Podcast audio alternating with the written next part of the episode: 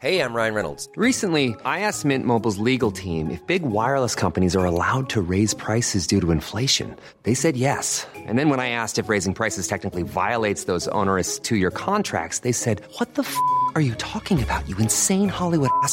F- So to recap, we're cutting the price of Mint Unlimited from $30 a month to just $15 a month. Give it a try at mintmobile.com slash switch. $45 upfront for three months plus taxes and fees. Promo rate for new customers for limited time. Unlimited more than 40 gigabytes per month. Slows. Full terms at mintmobile.com.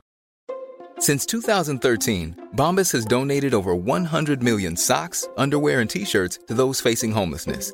If we counted those on air, this ad would last over 1,157 days. But if we counted the time it takes to make a donation possible, it would take just a few clicks. Because every time you make a purchase, Bombas donates an item to someone who needs it. Go to bombas.com slash ACAST and use code ACAST for 20% off your first purchase. That's bombas.com slash ACAST, code ACAST.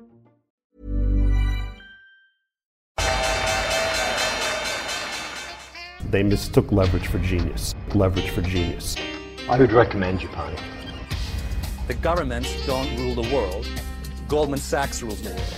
Velkommen til en, en ny episode av podkasten 'Tid er penger', en podkast med Peter Warren. Vi kom til episode 78. Vi har ei lang rekke tema i dag.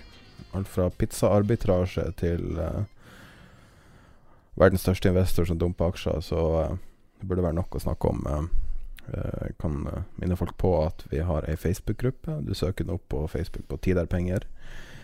Eh, og så eh, kan du også bli med i chatten, som du finner både link til gruppa og chatten i beskrivelsen av denne podkasten, hvis du vil eh, være med der. Ja. Oljeprisen er opp eh, 69 dollar på en måned. Kjøpte du dollar? Nei, olje? Nei, jeg gjorde ikke det. Altså, jeg skulle gjerne ha kjøpt den på, på minus uh, 37,63, som, som det nevnte på den dagen, men da måtte, måtte man ta levering av olje. Og jeg hadde ikke noen mulighet til, til, til å gjøre det. Men det var faktisk noen i gruppen et par dager etterpå eller dagen etterpå som, som lurte på å kjøpe olje. Da var jo Den neste kontrakten var jo ikke i minus. Den handlet i, i, eh, i, i pluss. Og på det tidspunktet så så det ikke ut som det skulle være noe lagerkapasitet noe, noe sted. Altså verdens tankflåte var blitt brukt for å lagre olje osv. Så, videre. så jeg trodde faktisk ikke det var en god idé på det tidspunktet.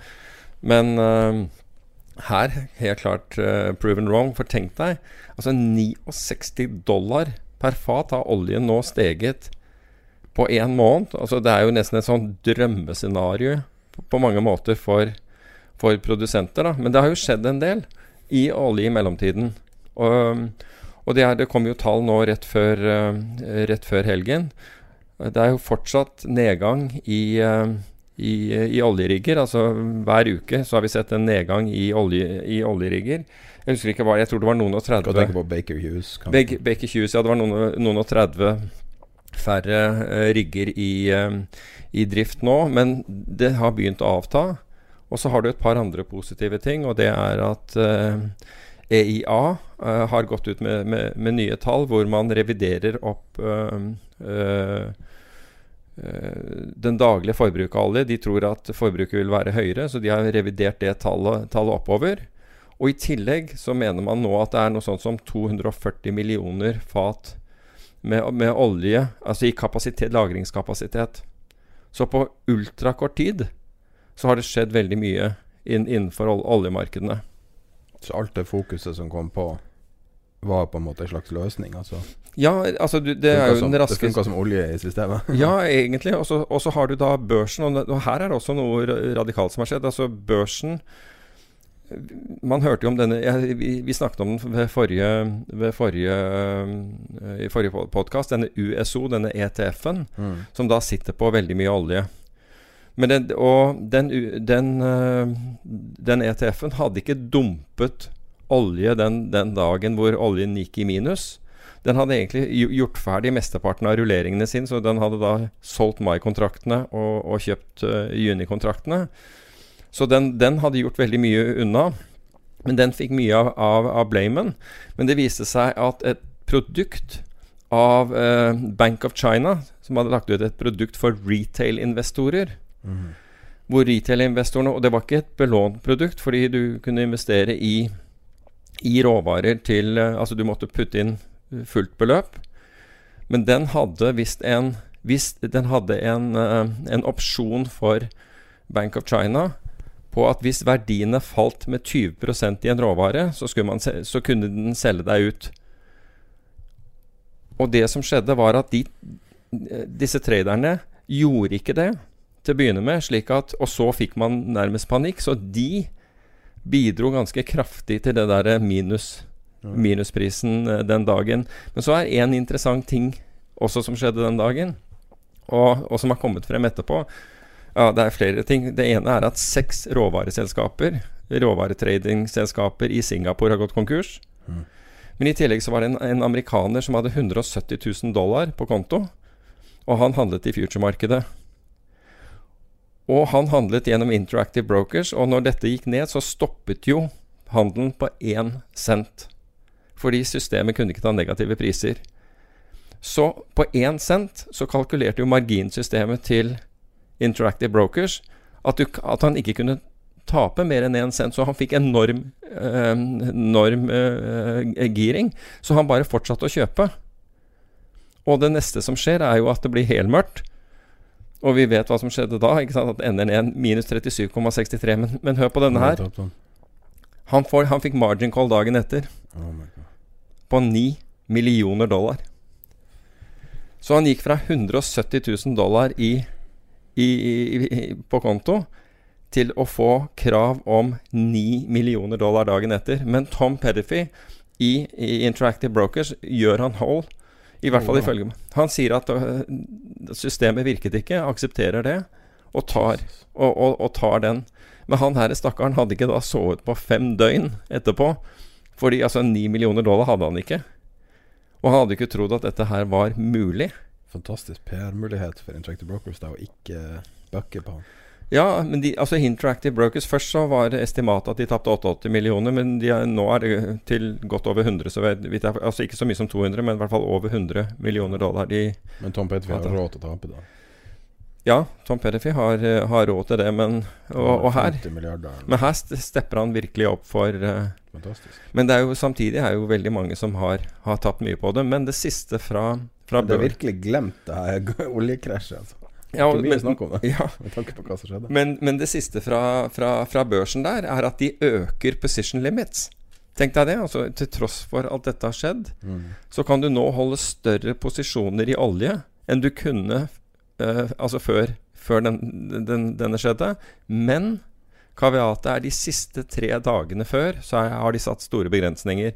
Altså de siste tre dagene før den kontrakten blir da omgjort til, okay. til levering av olje, så, så, må du redusere ganske kraftig. Ja. Så det har, vært, det har, absolutt ikke vært eh, eh, kjedelig olje. Og en annen ting vi har sett, det er jo at eh, forskjellen mellom olje for levering i juni og i juli Juli handlet over 7 dollar, altså var så høyt som 7,7 dollar høyere enn en junikontraktene. Det var fordi man trodde det var leveringsproblemer. ikke sant? At det ville ikke være lagring, lagringsmuligheter for junioljen heller. Men fordi den har forbedret seg, så handler faktisk nå juni over julikontraktene. Med ett cent eller to cent eller et eller annet sånt. Så, så det har skjedd ekstremt mye innenfor, uh, innenfor uh, olje. Så er det enda en ting oppi det hele, og det var Børsen forlangte jo de, de satte jo nye regler. Og de sa at denne ETF-en, denne USO, den fikk ikke ha så mange kontrakter som den hadde. Den kunne kun ha en tiendedel så mange junikontrakter som den eide. Så den ETF-en, bare for å, å, å spole tilbake Dette er et børsnotert fond som, hvor du kan kjøpe akkurat som du kjøper en aksje. Og istedenfor at den sitter på aksjer, så sitter den da med oljekontrakter. Så hvis du har et syn på hvor oljeprisen skal gå, så kan du kjøpe eller gå short dette, dette, dette, dette fondet. Så det, jeg tror det var den 24. april, så sier da børsen at den kunne bare ha en tiendedel av det den hadde i posisjon. Hvorpå den da selger 91 millioner fat olje.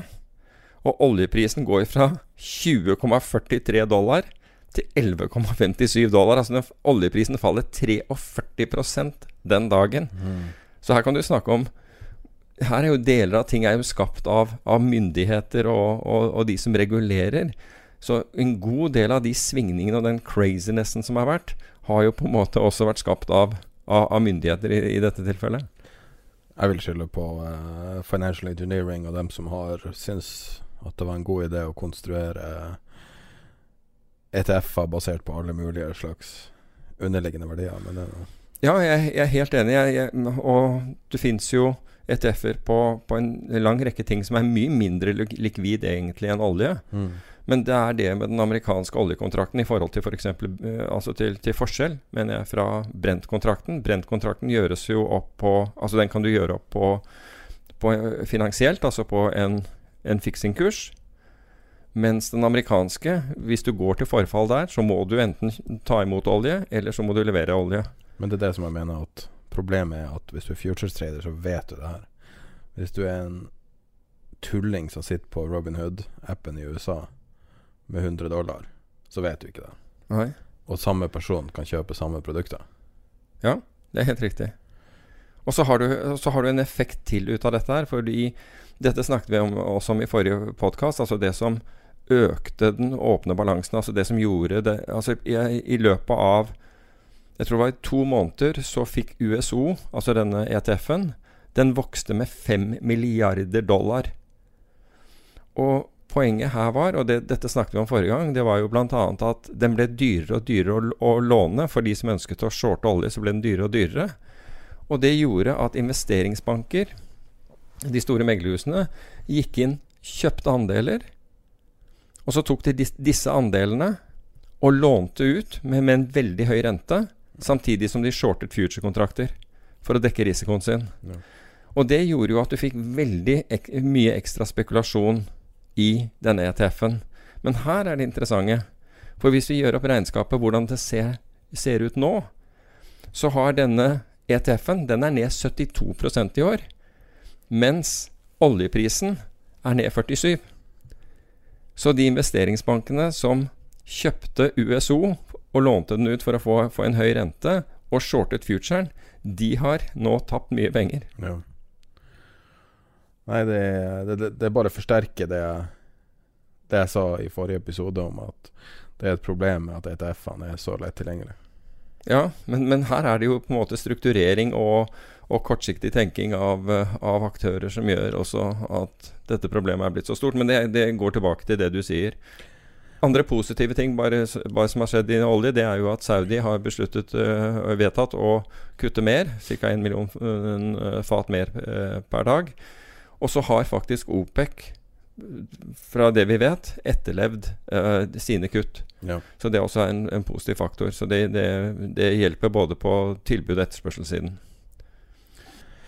Apropos spekulanter og små tradere. Eh, så var det en uh, kar på Twitter som kaller seg Sentiment Trader, som har vært ute og henta data fra OCC. Det er opsjonsclearing-selskapet. Option Clearing Corporation, ja. Eh, og han sa at This week the smallest option traders opened 14.5 million contracts betting on higher prices, buying calls and selling puts. This is a record high. Og de skylder på Davy Daytrader. Vet ikke hvem det er. Nei. Uh, han er grunnleggeren Han er På engelsk vil man kanskje kalle han en bro. Han er grunnleggeren av Barstool Sports, som er et selskap som er knytta jeg, vet ikke om det er et medieselskap, eller, men de er knytta relativt til, til, betting. da Og ble uh, Han fikk uh, De ble delvis kjøpt ut i januar eller februar. Og hele selskapet er bygd rundt idrett. Og så har all idretten stoppa nå. Så skal han her sjefen prøve å lage litt drama. Så han begynte å daytrade i stedet eh, og tapte en halv million dollar på noen uker. Og så livestreamer han seg sjøl når han daytrader. De sier liksom at det her er effekten han har stimulert opp enda mer spekulering, siden han er så kjent og unge mennesker. Men, men når du ser historisk sett her, så har puts og calls eh, vært et Vært en helt eh, Altså om, om, folk er long eller short i mm. opsjoner, har stort sett vært en jevn, jevn utvikling uh, har fulgt samme utviklinga de siste ti årene. Helt til 2020, der det har skutt i været, og nå er omtrent litt over dobbelt av den minen som har vært de siste ti årene. Wow. Men uh, samtidig, altså hvis du sier at de ønsker eksponering til oppsiden, da Ja. Eh, så er det jo faktisk smartere å gjøre den via opsjonsmarkedet, hvor, hvor prisingen, altså det vi kaller SKU, altså put-opsjoner med, med, med innløsningskurs under dagens kurs, og kjøpsopsjoner med innløsningskurs over dagens kurs, altså forskjellen mellom de to, er veldig stor. Slik at du får veldig mye for pengene ved å gjøre dette gjennom opsjoner, kontra Som vi snakket om faktisk i, i uh, desember også. Det var Du, du fikk veldig godt betalt for å påta deg den risikoen, mens du i aksjer er én til én, rett og slett, på dette. Ja. Så i desember Så Så du syns ikke det er en dårlig idé å være ultralang gjennom opsjoner?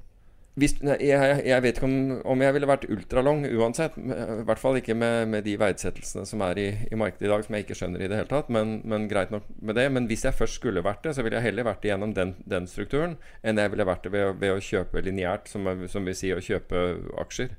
Det ville jeg gjort, ja. Fordi du, du får betalt for å gjøre det på denne måten. Du får en mye større Altså hvis du har rett, eh, så får du en mye større oppside. Fordi du, for det du selger en salgsopsjon for, for kan du antageligvis kjøpe halvannen eh, gang så mange kjøpsopsjoner. Slik at du får en voldsom oppside for den samme nedsiden. Så du får en større oppside i forhold til nedsiden enn du vil gjøre i aksjer. Får du én til én. Ja, og så samtidig som du har de her unge traderne som Eller unge, jeg antar de er unge, da. For det er veldig veldig mange som kommer inn via Via Robin Hood og, og de her okay. nye appene. Eh, så lenge du har de her i hvert fall små traderne som da går long via opsjoner, så har du Warren Buffett på andre sida som har tapt var det 50 milliarder, jeg husker ikke hva han tapte i kvartalet, og nå viser det seg at han har solgt Goldman Sachs. Ja. Um, Det er signifikant. Han kjøpte det i finanskrisa.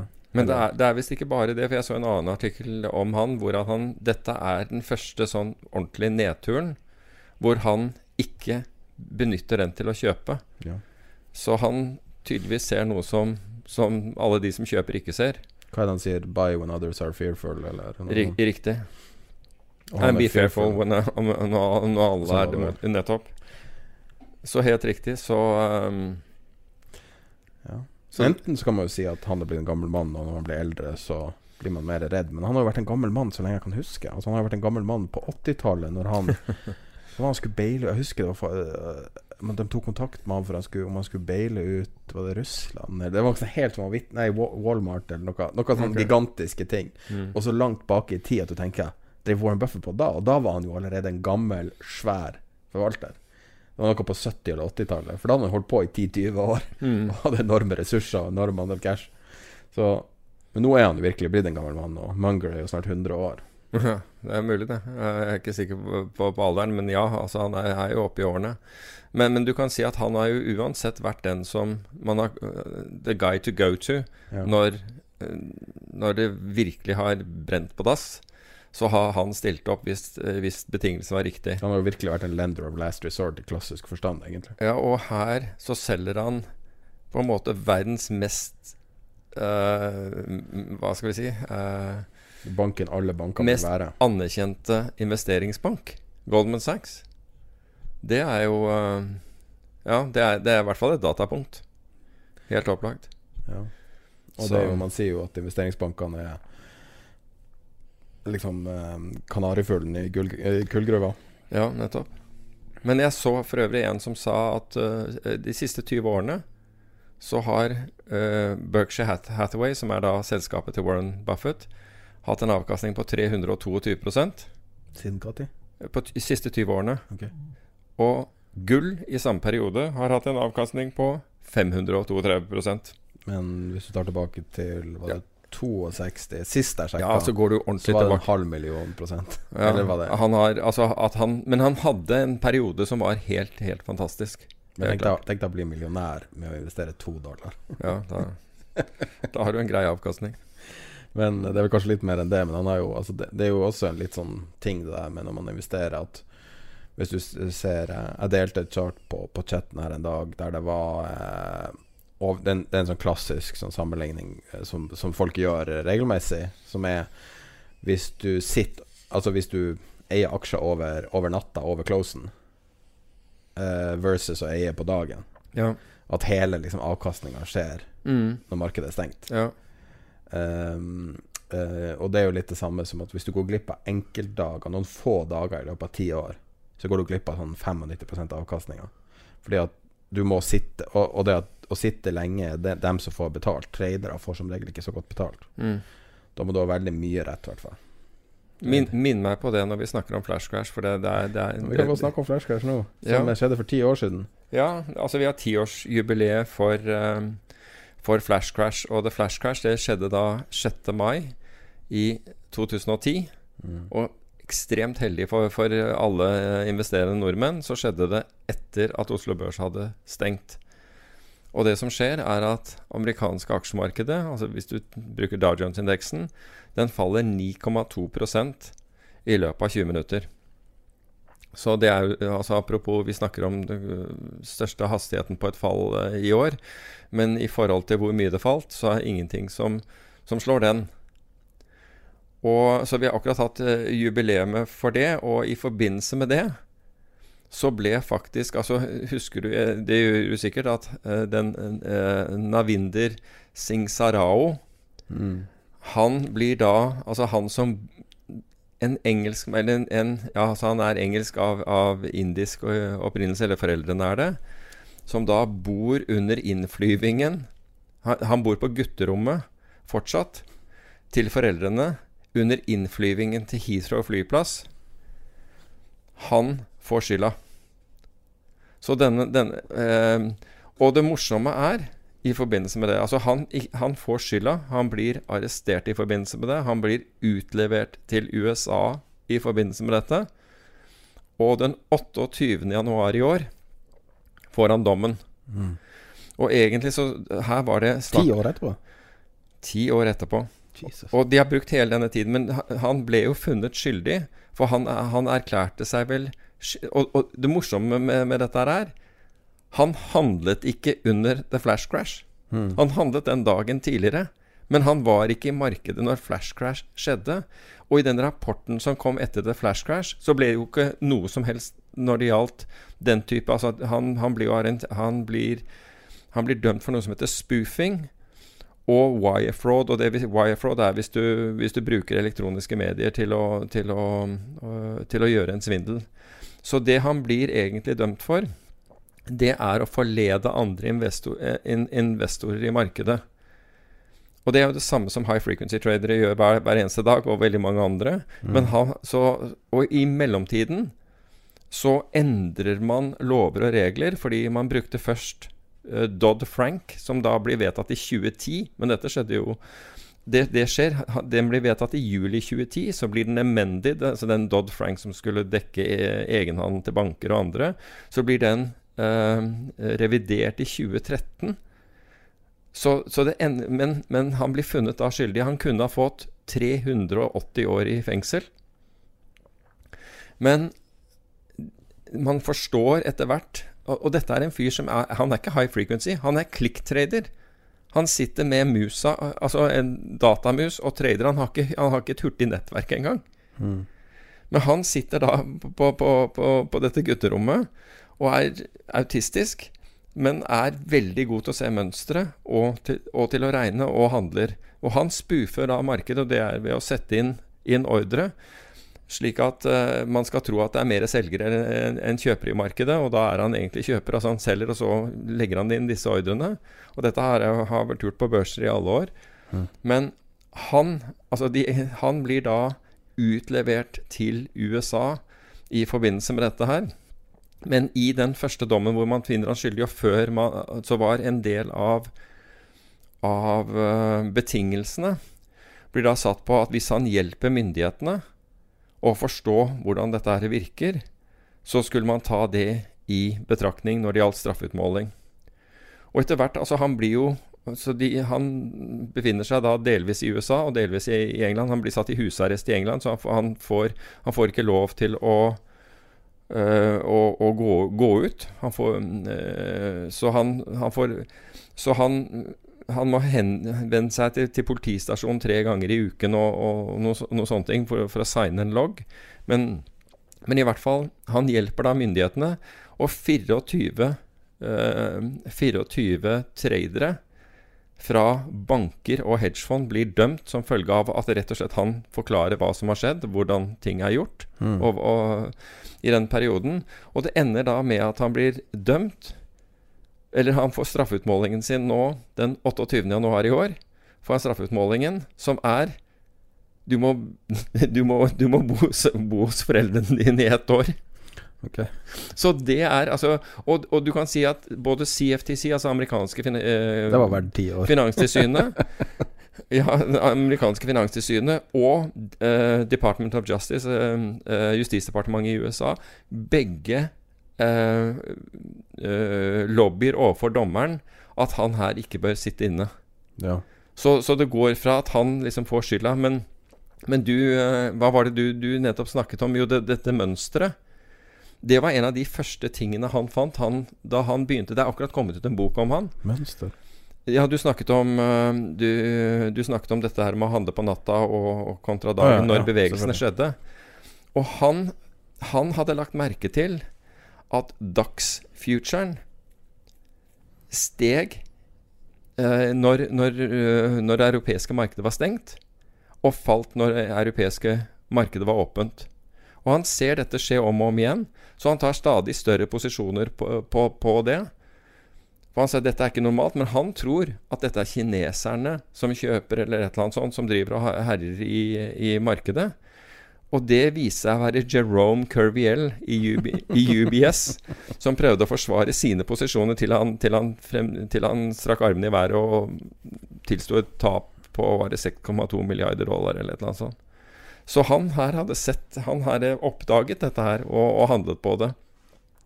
Men i forbindelse med denne med Sarao, da, så er, det, så er det akkurat utgitt en bok som har akkurat kommet, kommet om. Den er, den er fascinerende lesing for folk som, som er opptatt av trading, og, og som vil vite egentlig hva, hva, som, hva som foregikk. Det er en kar som heter Liam Vaughan som har skrevet den.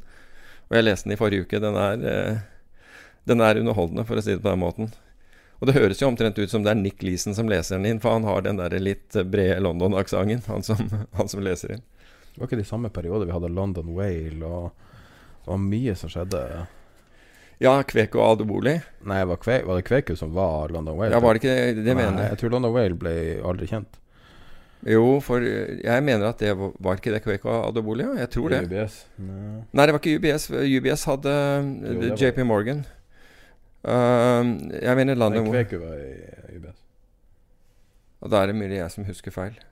Uh, men uh, Altså London Whale var JP Morgan. Bruno Ja. Ixil, Altså. Bruno. Ixil var det. Han Det stemmer det. Bruno Ixil. Nei, det var mange. Det var, Men Kveko Kveko Adoboli var, var i hvert fall i London. Men Jerome Curviel satt i, eh, satt i Paris. Nei, det er mange sånne eh, Altså det, Ofte når du skal selge en sånn idé om at en eller annen megat Så hjelper det å ha et kallenavn. Altså det er litt sånn seriemordere. At den heter The Boston Strangler og sånne ting. For at folk husker det. Fordi at du husker ja. Men å huske navn som Kveku Adeboli, det er helt umulig å glemme det navnet. Men vet du hvordan Vet du hvordan han Sarao blir? Det er de, de har ikke nok på han. Hva heter han igjen? Uh, han heter Navinder Sarao. Demonterte du nettopp penna? Ja, jeg tror det. Tok en uh, immediate de de demontering av den. Jeg kan ta det etterpå. Akkurat som et våpen. Ja. Kan du gjøre det? Hvis jeg tar en pistol mot deg, klarer du å demontere det? Sånn, at, uh, sånn som på film, liksom. At du tar av uh, mekanismen. Fra de sider, hvis jeg peker et våpen på deg. Kommer an på hva det er for noe. En sånn 1911 eller noe. Ja, 1911 er, er, er ikke så vanskelig å, å, Du tar, du har grep og sånn. å, ta, gjort ta, ta sliden? Ja. Nei, men det fins Du kan stoppe eh, avfyring fra, fra en Nå skal ikke jeg fortelle folk hvordan du gjør det, men det er, det er to måter du kan stoppe avfyringsmekanismen avfyrings, fyringsmekanismen på, på en Colt 1911. Men jeg føler at vi er be- be- beside the point her. Um, Det her er jo uh, news, you can, news you can use. news you can use. Uh, men da må vi jo runde av eh, Det er vel kanskje femte eller sjette gangen jeg spiller denne audioen. Jeg tror uh, du klarer å gjette hva jeg skal spille, da. Uh, bare for å minne folk på oh, ja. hvordan The det var for ti år siden. Ja, det var. 89s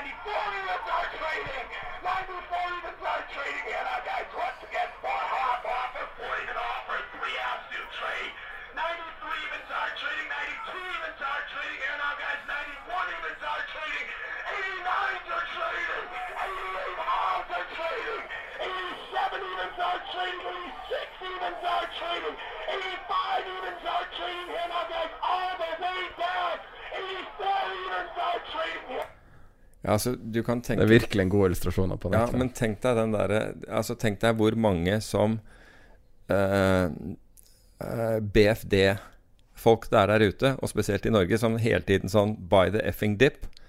Den dagen var, var den siste i ditt liv du ville gjøre det, altså. Mm. For hvis du prøvde det, Det var sant masse ETF-er som gikk til 0,01, var det ikke? Jo, jo, det var jo ikke bare ETF-er, men, men eh, store selskaper også. I, fikk jo helt vanvittig Electric eller et eller annet den. Men, og, og i den boken så kommer de bl.a. inn på hvorfor. Okay. Og det er eh, fordi eh, eh, marketmakere, altså eh, mange selskaper i USA, mange meglerhus som hadde da eh, Som kalte seg marketmakere, de drev egentlig ikke med marketmaking. Men børsen forlangte at de måtte ha toveis priser i markedet. Så de hadde, de hadde liksom en, kurs, en kjøpekurs Hvis aksjen handlet på 112, så hadde de en kjøpekurs på 0,01 dollar. Og så fordi fordi dette utløste, etter hvert som det falt, så utløste stopplosser, og, og alle tradere, altså alle disse high frequency marketmakerne, trakk seg ut. Så var det neste kurs du traff, og den, og den kunne være der nede, på 0,01.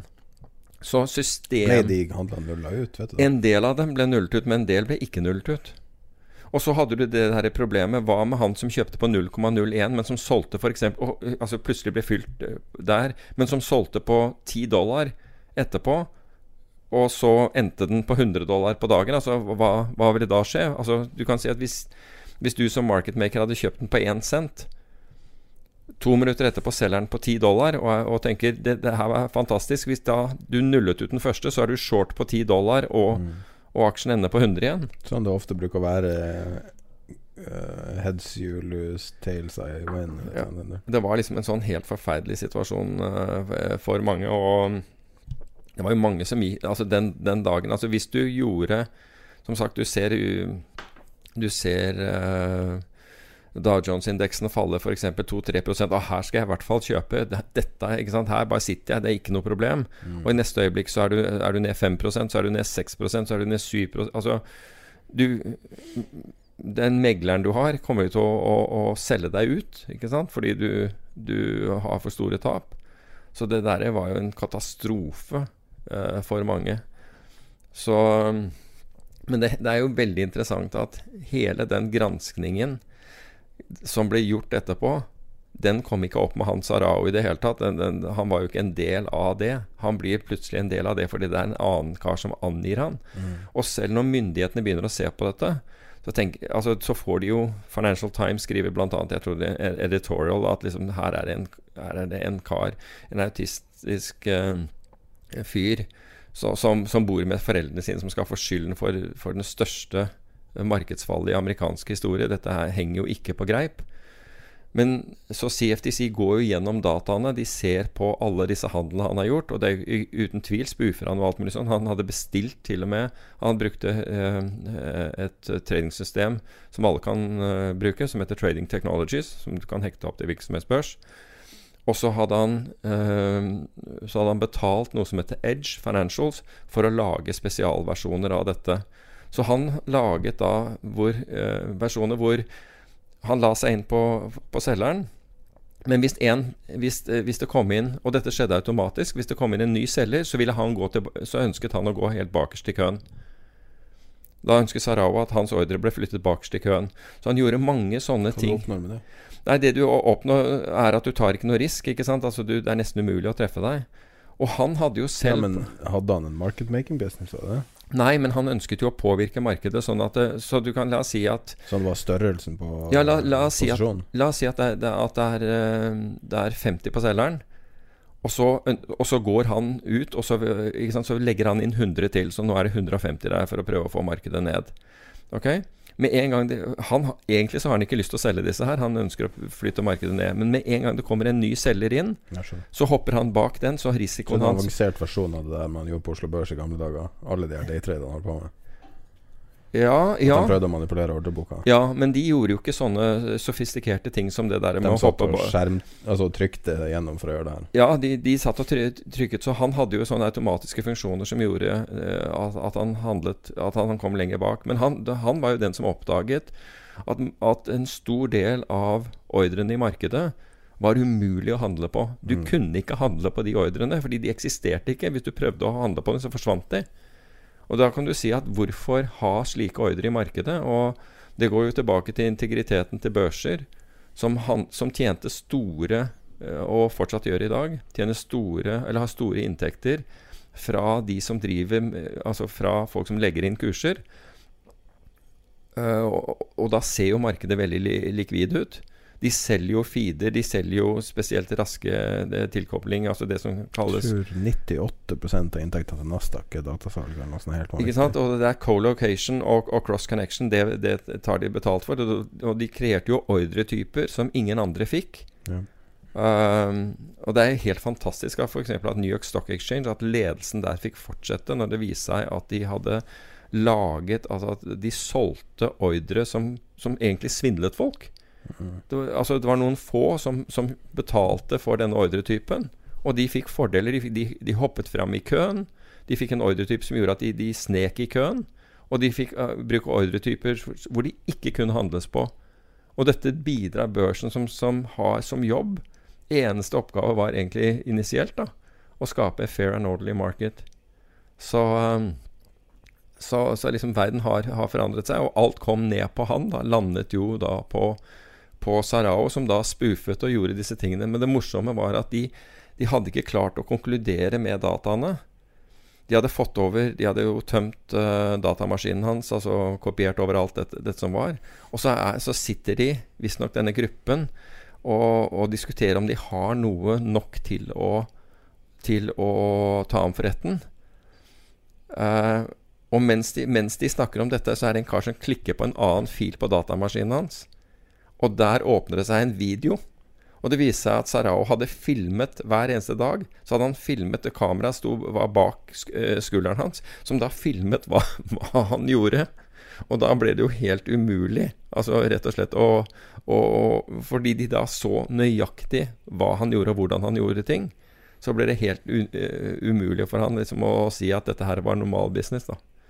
Så han, han gjorde jo det han ble anklaget for. Problemet er at det gjør jo de aller fleste der ute. Altså uh, High frequency tradere prøver jo å avlese ordreboken for å få en fordel ved at de av... Altså, og dette er jo frustrasjonen til store, til store fond. Um, helt sikkert oljefondet også. De, de må forstå hvordan dette virker, slik at de kan legge inn ordre. Og, de sier, og det har vært flere som har sagt at spoof-ordre, altså med andre ordre du ikke har tenkt å, å handle på, er helt nødvendig for at de skal, for at de skal skjule sin eh, Skjule hva, hva de faktisk har tenkt å gjøre. For hvis Ja, oljefondet, ja. Ja, alle, alle, alle andre store. Ja, men spesielt oljefondet måler jo effekten av alt de legger Ja, inn. ja, men, men det gjelder alle store investorer. slippage. Alle store investorer uh, trenger å forstå dette her. Fordi hvis, du, hvis det kan avleses hva de gjør, så hopper noen foran dem Men og en, gjør det. en av de hemmelige våpnene til oljefondet, når jeg var på treningrommet, er litt overraskende. Det er at de gjør det litt tilfeldig. Det er tilfeldig valgt. Det er ikke noe system bak. Ja, men det, er- om, de, om kan, de bruker en dark pool, eller om de bruker den ene børsen eller den andre børsen. Eller de men det kan, du jo, det kan du jo programmere datamaskiner til å gjøre for deg. ja, Til sånn- å sånn randomize. Ja, men det er vanskeligere enn du tror. Ja, altså det er jo ikke vanskelig å randomize randomize din, din virksomhet. Men de sa altså sånn Det, altså det å, å være litt sånn vilkårlig med hva de velger, uh, var en effektiv måte for dem å redusere muligheten for å bli oppdaga. Ja. Fordi at de da får mest mulig riktige priser.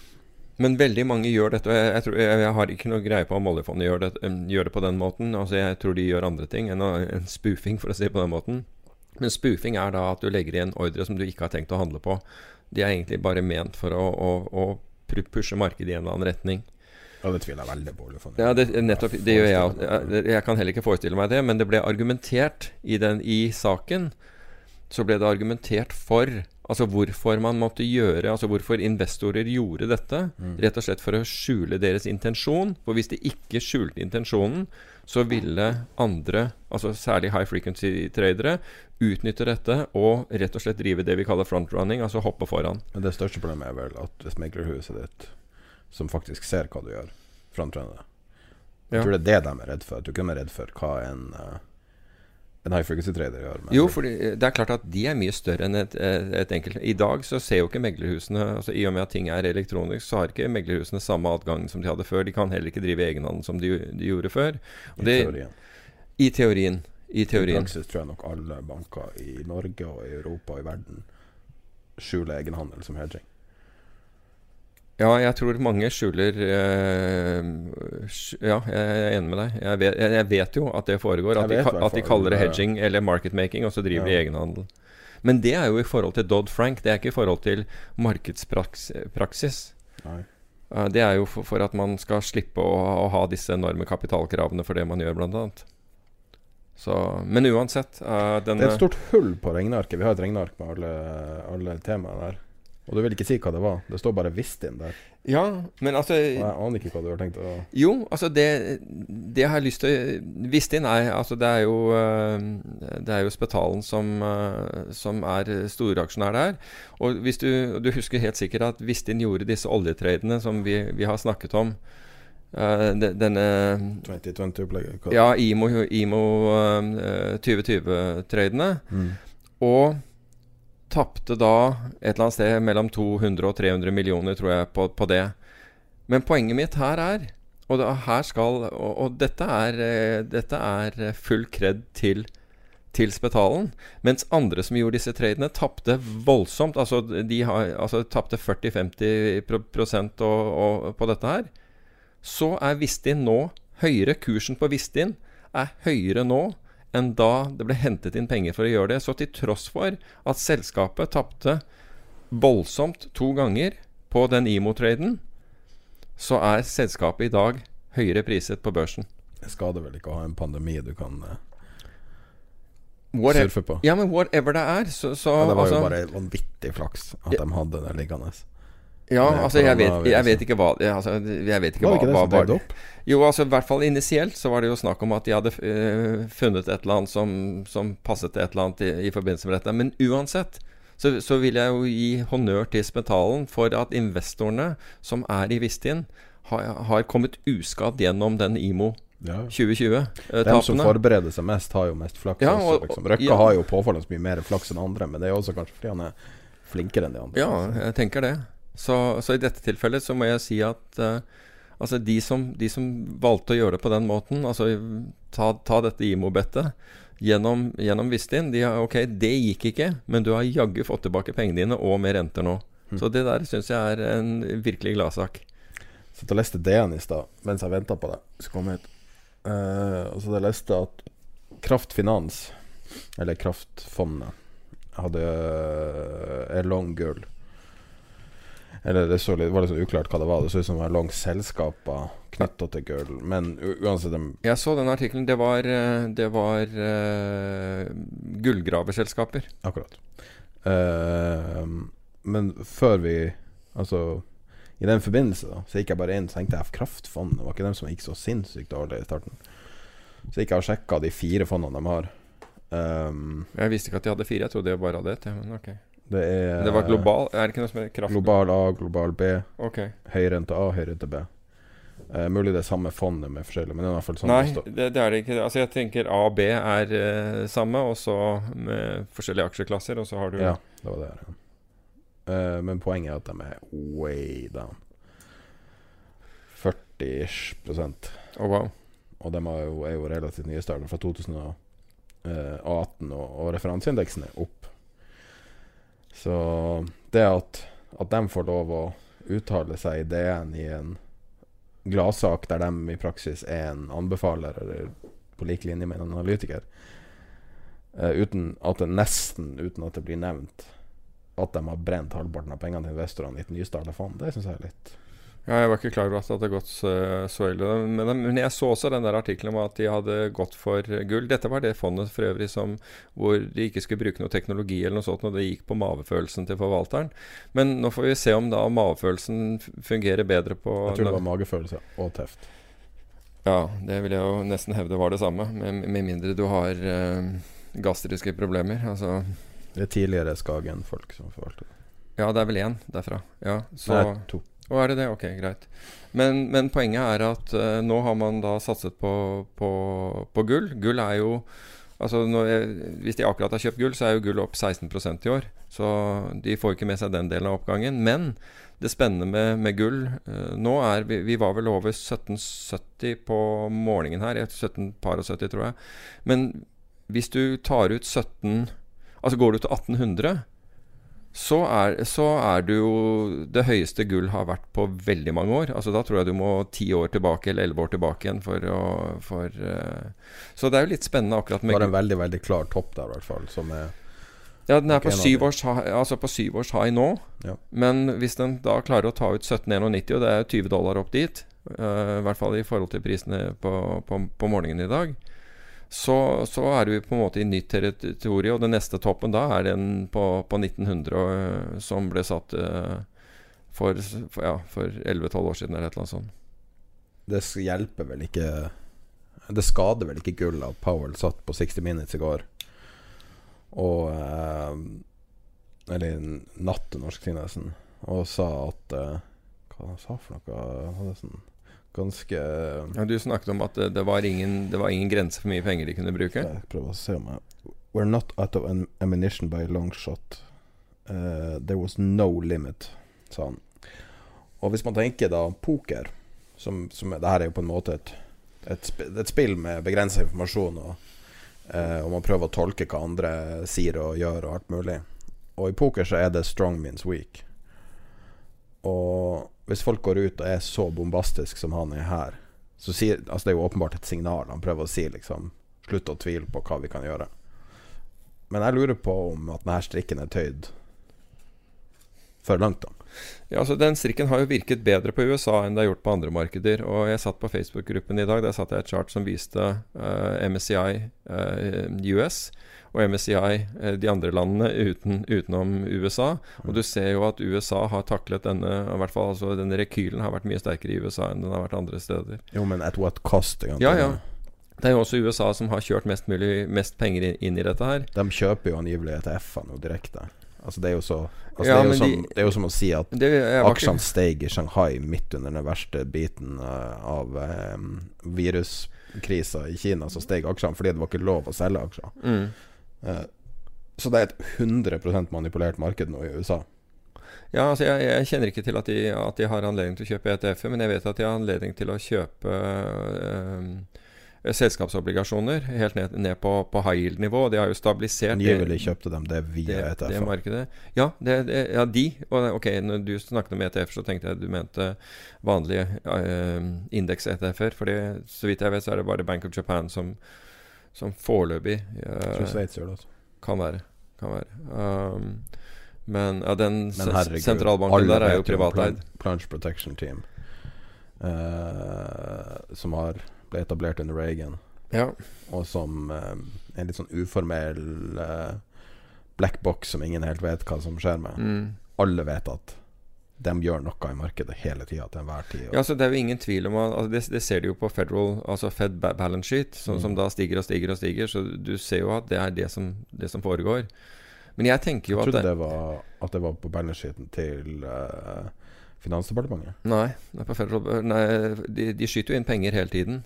De, trykker jo inn penger hele tiden som kommer på Federal balance sheet. Okay. Og om det er en sub-balance sheet for, for Treasury, det kan godt hende, men uh, will ha Er ikke lederen eh, eh, finansministeren? Lederen for Plunge Protection Team. Uh, Det vet jeg ikke. Det, uh, det vet jeg ikke. Altså, det, du kan si at uh, når, den, når Plunge Protection Team, altså som man kaller det, ble opprettet, så ble det opprettet etter krakk i 87. Mm. Og da var det jo Nicholas Brady som, uh, som chaired den kommisjonen første gang. Så det er antageligvis uh, Det er antageligvis det. Uh, som uh, Men Det her er jo en av de få konspirasjonsteoriene som, som er mer eller mindre ekte. Uh, eller en av det få, litt avhengig av Ja. ser på det. Men altså, det her er jo Men, men altså Konspirasjonsteoretikere elsker Plunge Protection Team, men enhver person som bare sitter og ser på markedet, bare observerer markedet, ser jo at det er noe som skjer her. ja. Enkelte dager, enkelte closer, så kommer det et tog inn. Ja, altså det, er- det, er- jo påfallende. Altså Jeg vet ikke, jeg, jeg klarer Altså Alle sier PPT hver gang det er en eller annen, et eller annet drag i, i noe, men uh, Siste halvtimen på fredag har en tendens til å Ja, hvor, hvor, hvor du røske, plutselig ser uh, Ja, og det har vært mange av dem. Det er jeg helt enig i det. Jeg vet ikke om, det er, eh, er disse eller ikke. Men det er jo det er en, det er en, det en spennende faktor der ute. Jeg tror Altså PPT, hvor, hvor Det er jo hvem som coined that phrase. Fordi det het jo ikke PPT. Ja, det tror jeg var Zero Hedge. Ja, nei, nei, det må jo ha vært før Zero Hedge. Dette, Dem- dette, dem elsker dette er jo tilbake i 87, og Zero Hedge eksisterte ikke på det tidspunktet, så vidt jeg vet. Så, men eh, jeg tror ikke det offisielle navnet er Plunge Protection Team, er det det? Nei, eh, det offisielle navnet var, var en eller annen uh, eh, task force. Hvis du, hvis, du, hvis du vil se det offisielle navnet, så har jeg har jo rapporten fra Du mener The Working Group on Financial Markets? Ja. Helt riktig. Skal vi se And colloquially The Plunge Protection Team. Mm. Det er den offisielle uh, Det høres ut som uh, tre, en eller annen trader som har kommet på det. Ja, det høres ut som en eller annen som har uh, just coined the phrase ikke sant, og sagt at det er det er det det er. Men det blir jo det blir uansett spennende. Men det er såpass mange altså, som gjennom årene har lært at 'never fight the Fed'. At hvis det glipper, da, da er jo på en måte en av de store, etablerte sannhetene i finans gruset.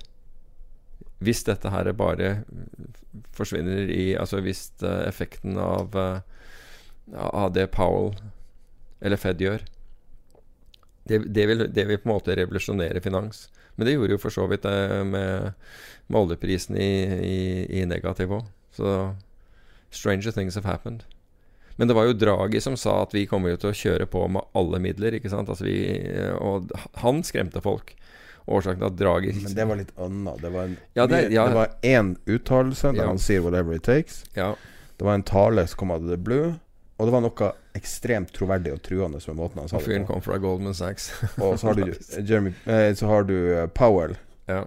eh, som gjentatte ganger sier det her for å forsøke å eh, Forsøke å eh, Ja, og, og liksom å få den samme effekten, men får det ikke helt til. Og troverdigheten er langt lavere nå. Han er liksom en whipping boy. Mm. Har Trump til en viss grad. Og Men, men det bare sånn- føles ikke som det samme. Nei, og en sånn sak som, som du in, uh, uh, initierte med her i dag, at Warren Buffett ikke er med på dette lenger. Altså, han tror ikke på dette. Du ser han kjøper ikke, han, han, eh, han dumper eh, Goldman-aksjer og, videre. Det er jo et dårlig signal. Altså. Det er et virkelig dårlig signal. Det er jo helt det motsatte signalet enn det Trump har bedt investorer om å gi. For han har jo tvert imot Han har bedt dem om å si at de kjøper, og at de, at de skal kjøpe, og si at de kjøper. Og alt annet er liksom feil å gjøre. Ja. Og så har du Warren Buffett her, som, som er den The Sage of Omaha, som alle ser til. Som sier Ikke bare skal jeg ikke kjøpe, men jeg dumper liksom Fly og, og Go- Goldman, liksom. Jeg dumper Lodestar. Goldman, ikke sant? Da, det, er jo et, det må jeg jo si er et eh, Det er en countermeasure, for å si det på den måten.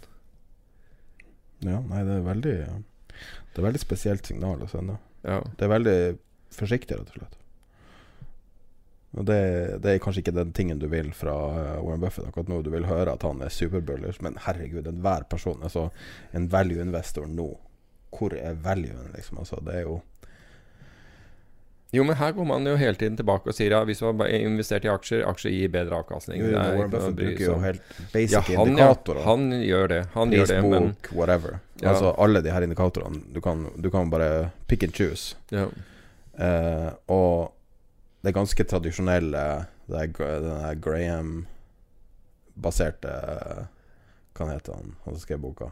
Han som var læreren til Warren Buffett. ja eh, Benjamin Graham, er det? Ja, eh, Graham and Todd. Det er, er Er boken ikke det skrevet Benjamin. Graham som, Jo. som ikke klarte å tjene penger på det her, men som var da Mm. uh, visjonen bak bak uh, value investing. Ja. Eh, Men value investing har jo ikke vært på mote på lang, lang tid. Altså det, alt gikk jo på momentum i de siste uh, Altså i økende grad i de siste ti årene har det vært momentum investing som har, har dratt. obviously. Helt klart, ikke sant? zero interest rate politics og Ja, og, og du kan si at alt Altså folk ikke bryr seg. De tror, at, de tror at sentralbankene er rett bak dem hele tiden. Så uansett hvor mye dumt jeg gjør, så blir jeg reddet. Og så, så kom 2020, da. Ja. Da var det ikke alle som ble reddet likevel. I hvert fall ikke ser ikke slik ut. Så vi har fått et forespørsel til podkasten. og den er Den er at, uh, at vi skal ha et nytt Eller et innslag, da. Vi har vel ikke hatt så veldig mange innslag. En ene var hva du har lest siden sist. Og det har du vel allerede nå? Ja. Jeg har glemt litt av at det var et innslag. Men et innslag og forespørsel var å komme med en crazy påstand til deg. Som du skal svare på. Som jeg har gjort et par ganger.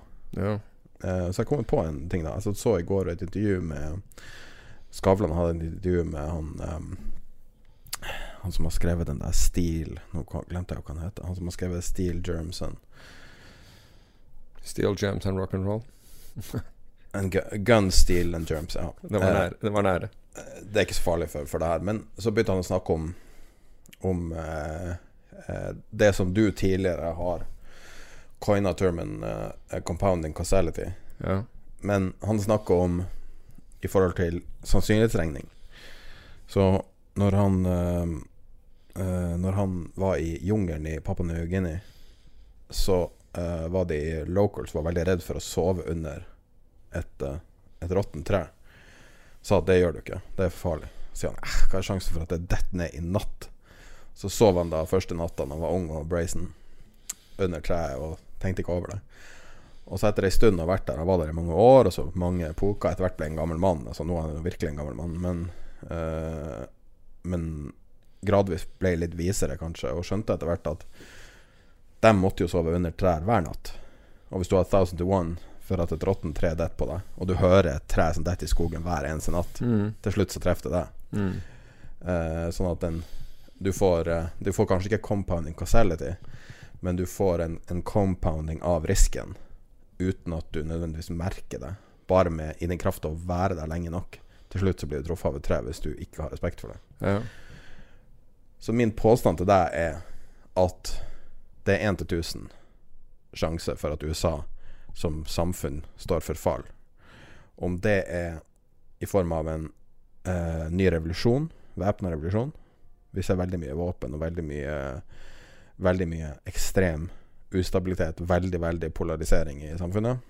Uh, og min, min uh, hypotese er at det er ca. en tusendel sjanse for at USA står for fall til enhver tid siden 1997. Bare valgte et Asiakrisa som utgangspunkt.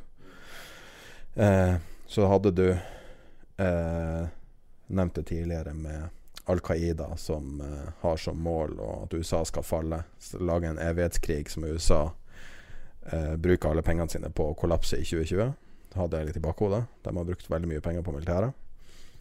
Um, og akkumulert har det bygd seg opp enorme risikoer, og i praksis kjernen har blitt mer og mer råtten.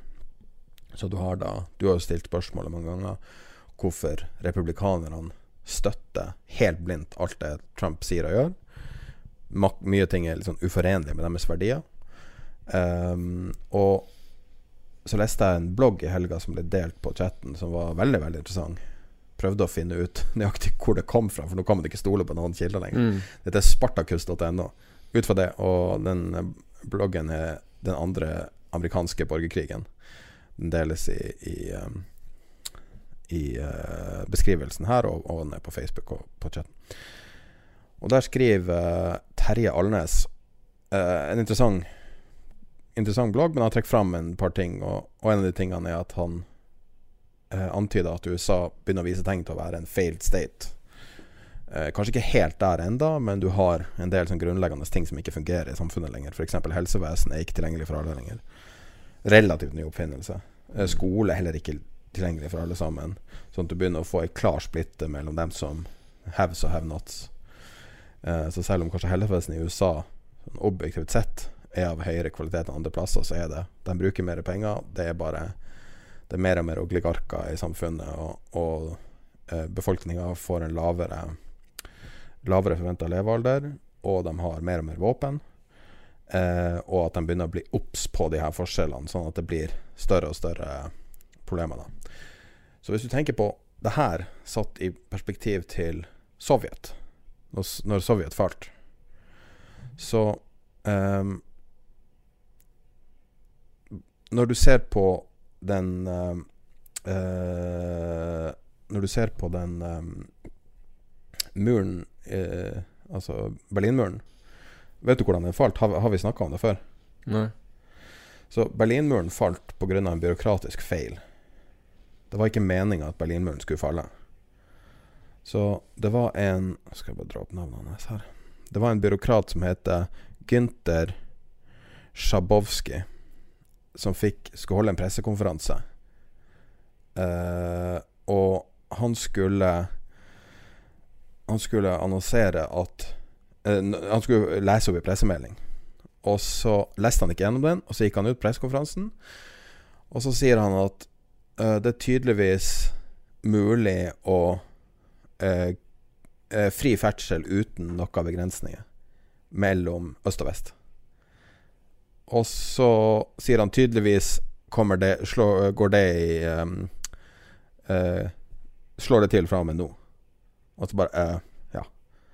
Og så når han sa det, så ble det på en måte lov. Altså det, det starta en kjedereaksjon. Og folk begynte å kunne krysse grensa, og plutselig hadde Berlinmuren falt. Og, og det, skal så, det skal så lite til. Av det de rareste lille Altså, sjakkspill starter kriger, liksom. Altså det, mm. Men det har- er jo en compounding causality-greie, ikke sant? så spørsmålet nå er Og så hvis du, nå, nå er det mye mange fram og tilbake her, bare for å Mange punkter her, da. Og så har du det siste som grunnen til at man da trekker den koblinga akkurat nå, er at Gorbatsjov i etterkant av Altså av Sovjets fall Nå var det jo Berlinmuren Sovjet, men det henger jo veldig sammen, da. Eh, Sovjets fall mente han var pga. Tsjernobyl. At det svekka Det var liksom den siste tingen som jeg visste svakheter i strukturen til Sovjet. Men det som var spesielt med Sovjet, var jo at ingen som forventa at Sovjet kunne falle, Mm. før det gjorde det. Mm. Så ut fra, Jeg vet ikke om amerikansk etterretning heller tok høyde for at det var mulig. Men ut fra det jeg vet, så er det ingen som trodde det var mulig, og så var det bare der. Plutselig en dag. Og når man ser på USA nå, observatører og utlendinger som stiller seg spørsmålet, er Er vi der nå? Mm. Og det, det er min, mitt vanvittige utsagn i tråd med den israelske etterretningsmetoden som kalles the tenth man. som er dagens eh, påstand, for å si det som jeg ikke nødvendigvis tror på, men stiller spørsmålet til deg, da, i den referansen. Jeg, jeg, jeg tenker jo Altså For det første så får vi en enorm kognitiv bias. Altså en mental bias mot, mot dette, ikke sant, umiddelbart. Fordi du USA er som du kjenner det, og ja, det er uh, ting i USA som, uh, som helt opplagt ikke er, er bra, men vi klarer ikke å tenke oss Det er vanskelig å tenke seg at USA imploderer. Og det, og det er jo mye pga. måten hjernen vår virker på, at, eh, altså, og ikke minst bekvemmelighet. Altså Hvis USA skulle implodere, så detter jo nesten pengesystemet fra hverandre, fordi all, all betaling eh, rundt omkring i verden, eller i hvert fall store deler av betaling rundt omkring i verden, foregår i dollar, eller foregår via, via systemer som, som, som avregnes mot, mot dollar. Du har Global Positioning System, altså bare tenk deg hva vi, vi benytter til navigasjon, og det gjelder ikke bare telefonene våre, men fly, biler, alt sammen, foregår igjen på teknologi som på en måte er basert i USA. Det skal ikke så mange år tilbake før det var amerikanerne som bestemte hvor nøyaktig en GPS kunne få lov å være som ikke var, eh, som ikke var eh, i besittelse av amerikanske forsvaret. Og de, de gjorde jo også at de økte jo marginen på, på, på GPS-er. Det, det var vel Ja, det er nå eh, 20 år tilbake. Men da økte jo marginen mens, for, mens man kriget i Irak første gangen. For at det ikke skulle være for nøyaktig for andre å, å benytte. Så det er liksom Det er jo nesten ikke mulig å tenke seg at det rakner nærmest over natt der borte. Um, jeg har i hvert fall veldig problem, problemer, for jeg ser de enorme konsekvensene uh, som det vil ha. Og hva skulle forårsake det? Altså Er det da indre uro som ikke er fanget opp? Um, eller tenker man at det eksternt Hvis det en, en ekstern kraft inn her vil jo, eh, vil jo samle amerikanerne, ikke, ikke fragmentere dem. Kan ta et eksempel, da, bare for å gi deg noe å bygge på. Trump sa vel Fox News slutten av forrige uke at han vurderte å separere totalt 100% fra Kina. Ikke ha noe med Kina å gjøre. Ja, jeg så den. Eller, ja. Akkurat hvordan ordla seg, er litt uklart. Jeg tviler på at det er så gjennomtenkt, for jeg kan ikke forestille meg et sånt scenario. Ja, man har jo gått tilbake I hvert fall folk i administrasjonen har jo gått tilbake på det også, men uh... Men det kunne jo vært, det kunne vært på en sånn måte. Altså du, da, da forsvinner jo 80-90% av medisinene fra landet, f.eks. For eksempel, fordi at de produserer ikke sånn sjøl lenger. Ja, altså det er, jo, det er jo nettopp utfordringen ved at en president kanskje ikke kjenner til det at 80-90% av, av medisinene, omtrent samme forholdet med, med sjeldne metaller, kontrolleres av kineserne. Ikke sant? Det, det vil jo ha enorme konsekvenser, rett og slett. Ja, for eksempel. Men det vil jo ha enorme konsekvenser hvis man gjorde det. Og jeg tror Altså, du vil jo få Altså, du vil jo få Én ting altså Hvis du ser ut ifra Trumps ståsted Han er ikke interessert i å gjøre, gjøre økonomien svakere enn det den er, for han sliter nok med at de har en arbeidsledighet der borte nå som ikke sant, Siste tallet var nå at man har 20 20,5 millioner mennesker hadde, hadde mistet jobbene sine i april. Er ikke det mye høyere? April kanskje, men ikke, Ja, det- ja, dette var- ikke det dette var- 40 millioner til sammen? Jo, altså de er, 11, er, ikke på, er den ikke på 11,2 altså siden februar? Altså at øh, Jeg så en spekulering i at halvparten av Det var kanskje i den samme bloggen at halvparten av USAs befolkning er uten jobb nå. På et eller annet vis Altså Det er så masse måter å regne på. Du har dem som falt ut av arbeidsstyrken, og så har du jo dem som ikke er enten for syke til å jobbe eller Altså Du hadde mange forskjellige, Mm. men at helt Altså tallene er vesentlig høyere enn man de offisielle rapporterte tallene. Ja, det- det også måten man, man rapporterer tall på, forandrer seg også. Og det at de her midlertidige oppsigelsene har blitt til permanente oppsigelser, er også en Men USA er så viktig, ikke sant, altså i verdenssammenheng. Er Um, det så viktig som det var? Er det det? Jeg det? Nei, nei, det er blitt skjørere. Det er jo helt opplagt. Det er klart at når, når verken Verdens helseorganisasjon eller handelsorganisasjoner eller forsvarsorganisasjoner helt kan stole på USA lenger, Ja. så skjer det ting. Det er helt opplagt at det skjer. Men, men du kan si at skiftene der blir ikke voldsomme over natt. Det, det, det vil jo gjøre at man får en dreining. Man sier at ok, vi er nødt til å finansiere oss på en annen måte, beskytte oss på en annen måte, drive handel på en alternativ måte. Og inntil liksom man har begynt å opprette eh, disse nye eh, disse nye connections til, for, å, for å få dette til å virke, så er det, så, så er det ikke liksom som om ting kan radikalt skje over, over natt. Så hvis noe skulle Altså, det kan. Altså, det er jo helt idiotisk for meg å si at det ikke kan, fordi det, liksom, det eliminerer uh, såkalte sorte svaner som vi vet opptrer av, av og til. For øvrig er ikke pandemien det, for det, det har vi hatt tidligere. Um, ja. Hvordan så det ut når Sovjet falt? Husk, kan du prøve Og da er jeg ikke interessert i hva du leser, men hva du husker. Nei, jeg husker ikke Jeg må innrømme at, at at Altså, jeg, jeg husker jo litt av kaoset rundt det, men, men det var jo ikke en følelse den gangen av at nå rakner det for oss.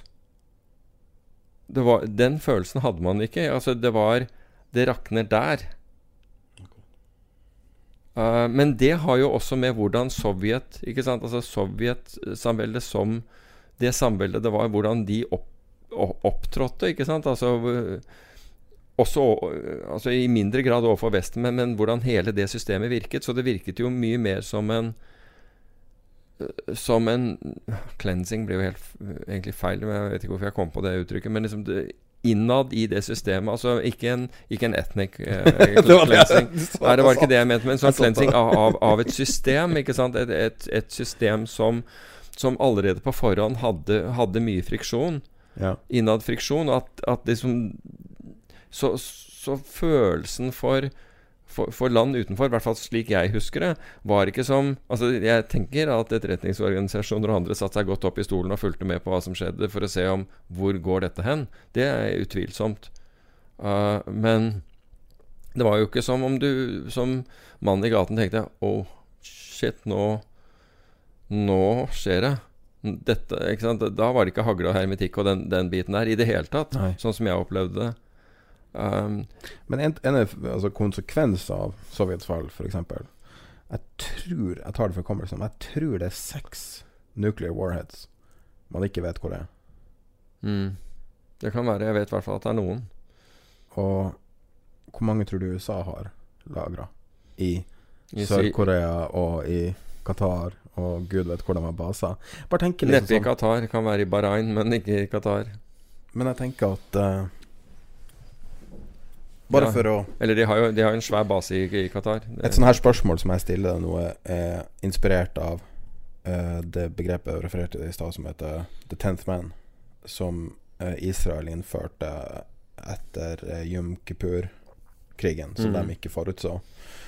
Og der er det hvis alle er enige om at noe er tilfellet, så skal én person den, Hvis ni er enige, skal den tiende være det. Mm. Diametralt motsatt også, og da argumentere for hvorfor det er umulig skal kunne skje. De har et lignende system i Finland også.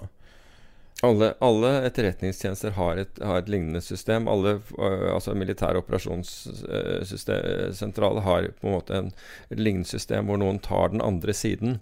Og du kan ta det helt ned til norske politiet, som da, når, de, når det er viktige saker, vil, ha, vil, vil sette noen på å motbevise den teorien de hadde. Altså og det, dette, dette gjør man via altså Hvis du tilstår at du har drept en person, så vil noen bli satt på altså for dette, fordi, fordi det er en alvorlig forbrytelse, så vil noen bli eh, satt på det der og, kan du, og prøve å motbevise at du faktisk har gjort det.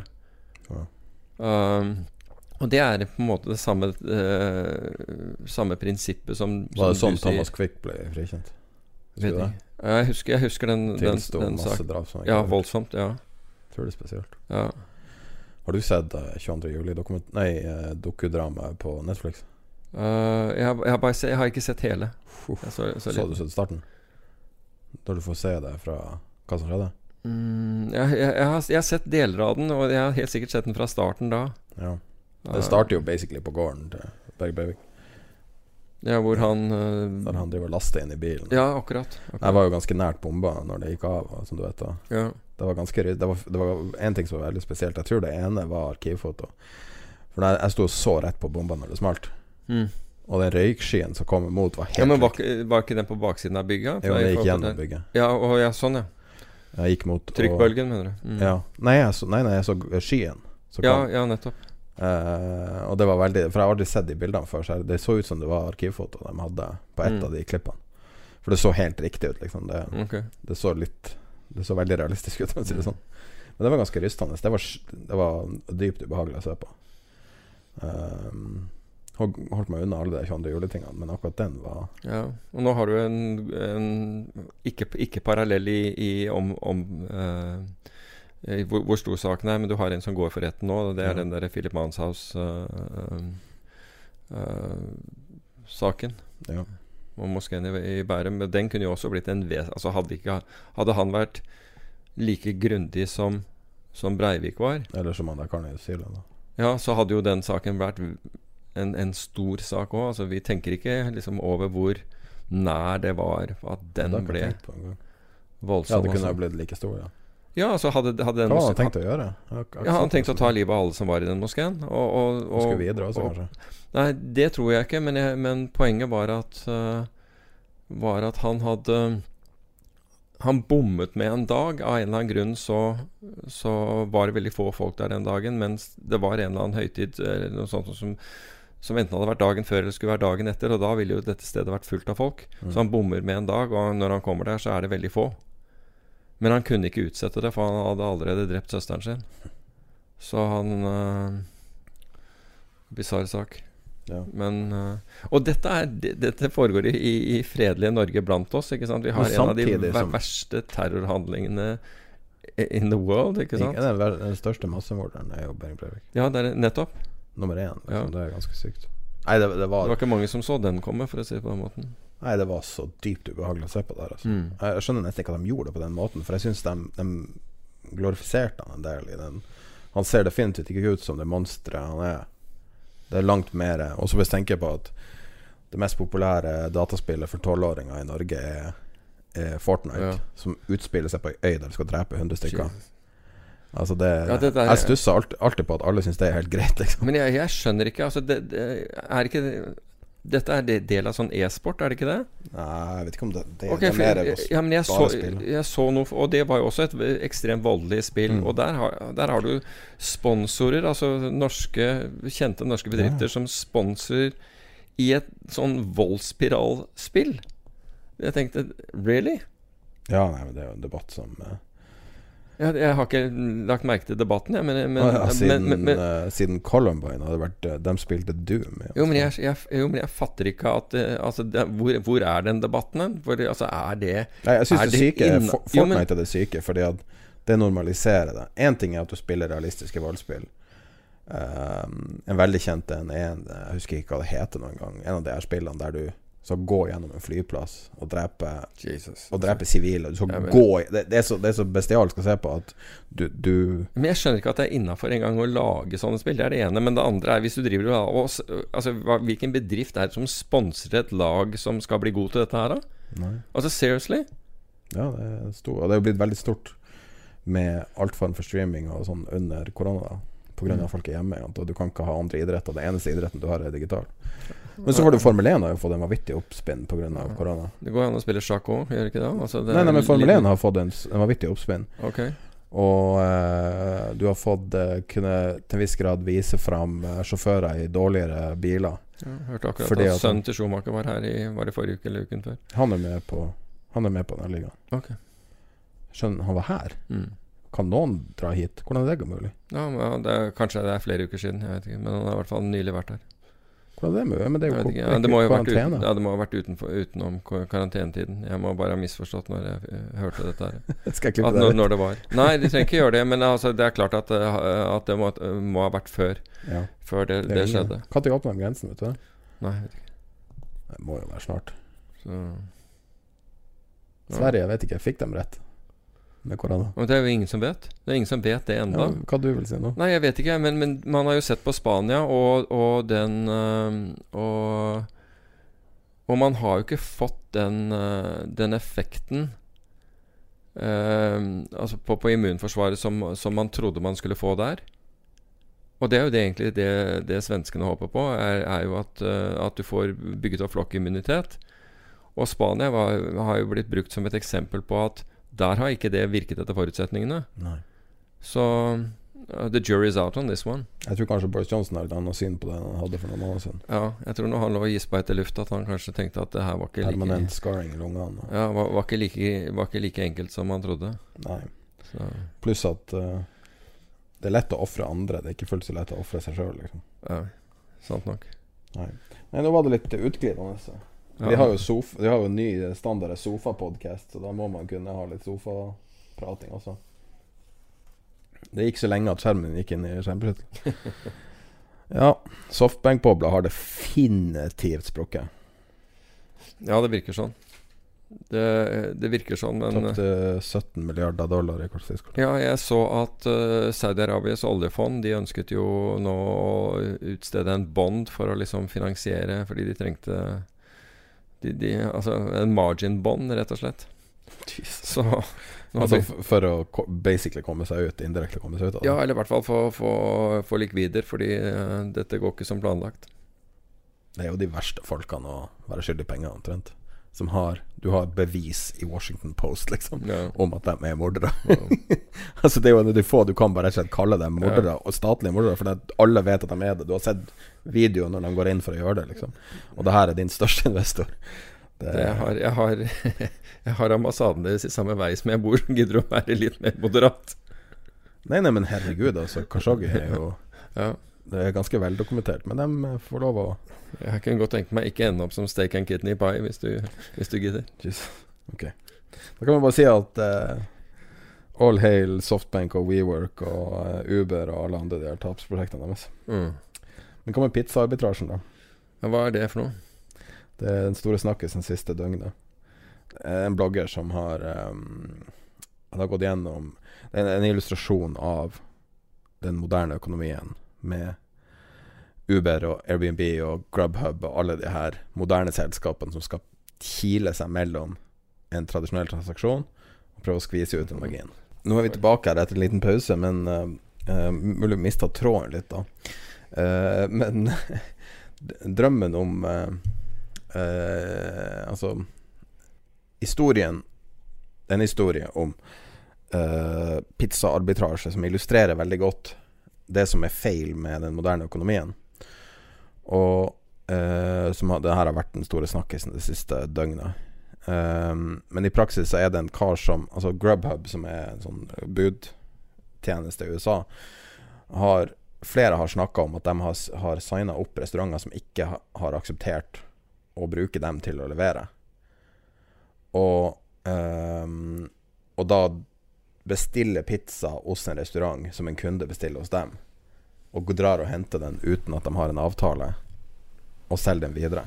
Okay. Og så var det en kar som fikk med seg at de solgte det billigere enn han solgte det. Så begynte han til slutt å kjøpe pizza via Grubhub sjøl, og arbitrere sin egen pizzarestaurant. For de gjorde noe dypt uetisk med å markedsføre seg sjøl som han.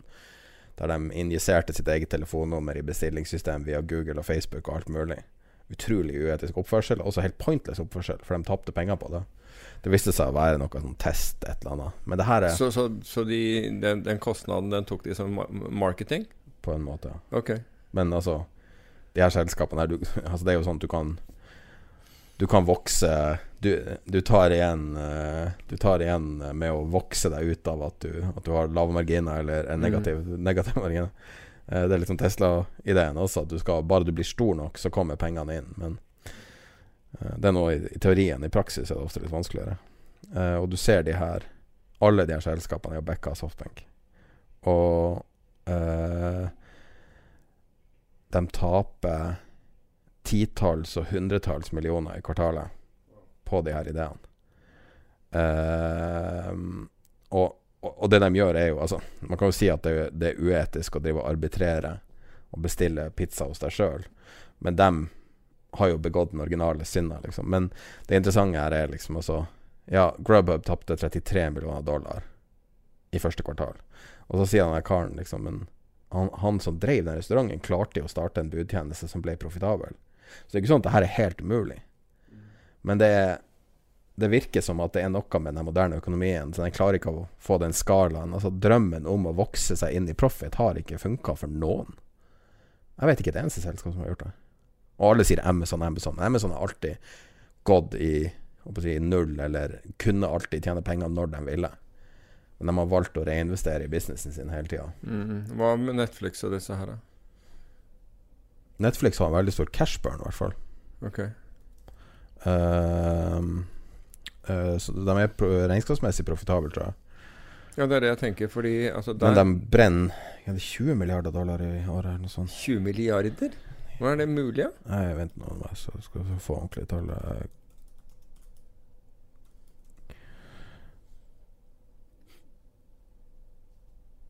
Det høres ut som Equinor på en god dag. Ja. De brente 3 milliarder dollar i 2018. Ok. Ja, det er penger. Ja, det er penger, det. Det er, ja. det er nettoen deres? Ja, det er det de Altså det wow. er negativ cashflow. Ja. Wow. Uh, skal vi se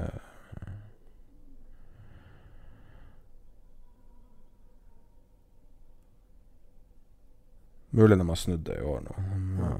Men de har alt. De har brent du har, du titalls milliarder med dollar. Om de akkurat har snudd det nå, så har de gjort det nå, men Jeg har ikke sett på disse norske. Jeg har bare sett overskriftene av det er Kahoot, og så husker jeg ikke hva den andre heter. Pep Pexit, eller hva det var for noe. Som har gått noe enormt nå i, i det siste. Om det er selskap som tjener penger eller, eller ikke. Jeg tror Kahoot har uh, Har i hvert fall inntekter nå. Det var jo lenge de ikke hadde inntekter. Mm. Uh, og når du driver et corporate uh, Altså i eh, konkurrenter, Zoom og Skype og sånn, så er jo mm. det en obvious bra ting å ha akkurat nå. Det. Ja, ja, klart.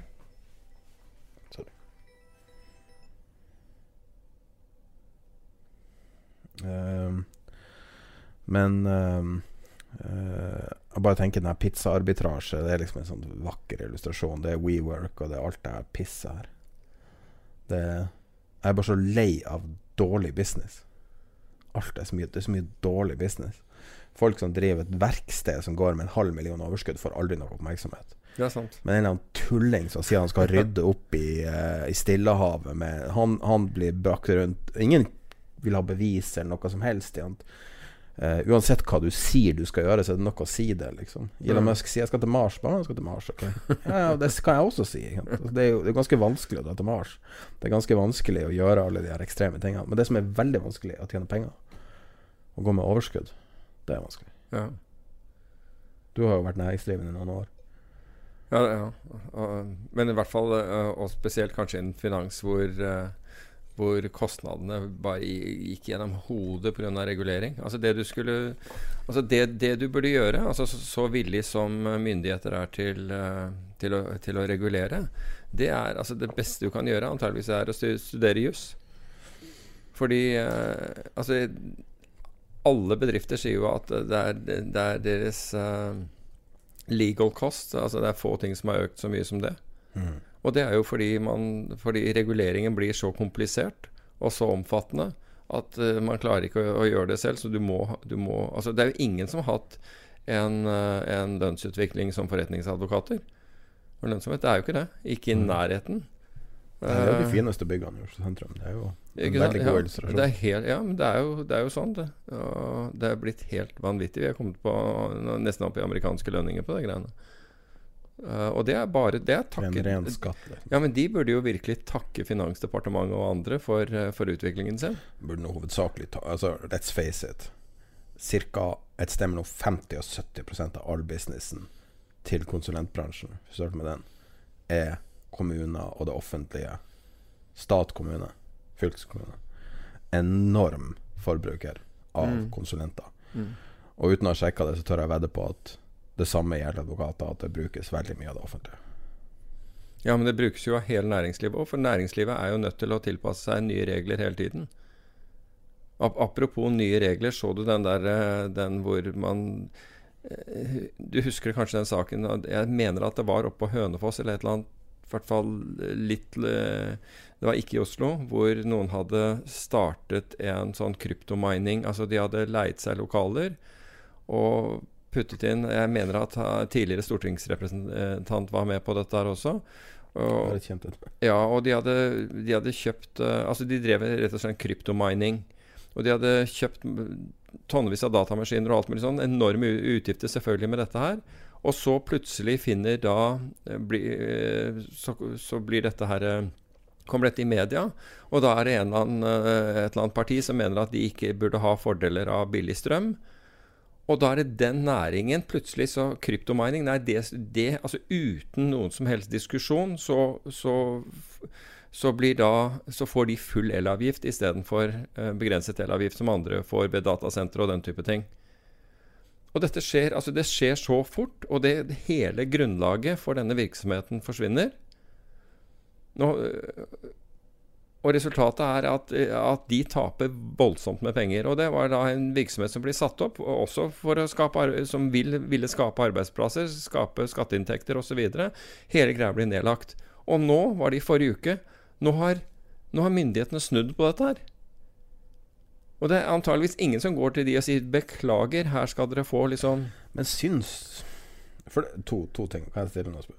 Syns du virkelig det er noe som er matnyttig å bruke energi på? Å Jo, bruke men- penger og energi på å- å å mine krypto? jeg, jeg, vet, altså, jeg vet ikke om det er matnyttig å gjøre det der, men, si, men, men, men sier vi det på alle andre prosjekter som ikke lønner seg? Ja, men altså Men greiene her Er, er det bare ikke for mye subsidier i Norge? Altså, Jo, men vent da, hvis, hvis det er det, så la oss være generelle på det. Ikke, ikke si at ok, det får du ikke lov til. Akkurat det skal du ikke drive med.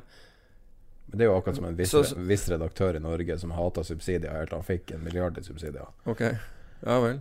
Og Jeg men, jo men, poenget poenget er, er at bør, bør ikke folk få lov Altså Hvis du ser en mulighet dette, dette, er, dette er rammeverket, dette er lovverket sånn som det er i dag. Og da ser du ok, her har jeg en mulighet til å, å skape en bedrift og gjøre dette her. Mm. Så går du inn og så gjør du det, så investerer du i det. Du leier deg eh, lokaler, og du gjør alt det som skal til for det.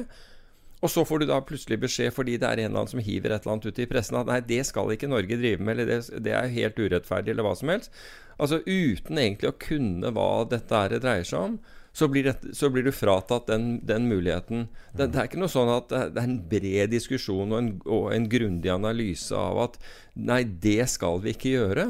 Men er det ikke også litt sånn eh, Kanskje det er fremtiden? Jo, men et problem er jo også det at vilkårlige medieoppslag har en enorm evne Ja. til å ødelegge livet ditt. Jo, nettopp.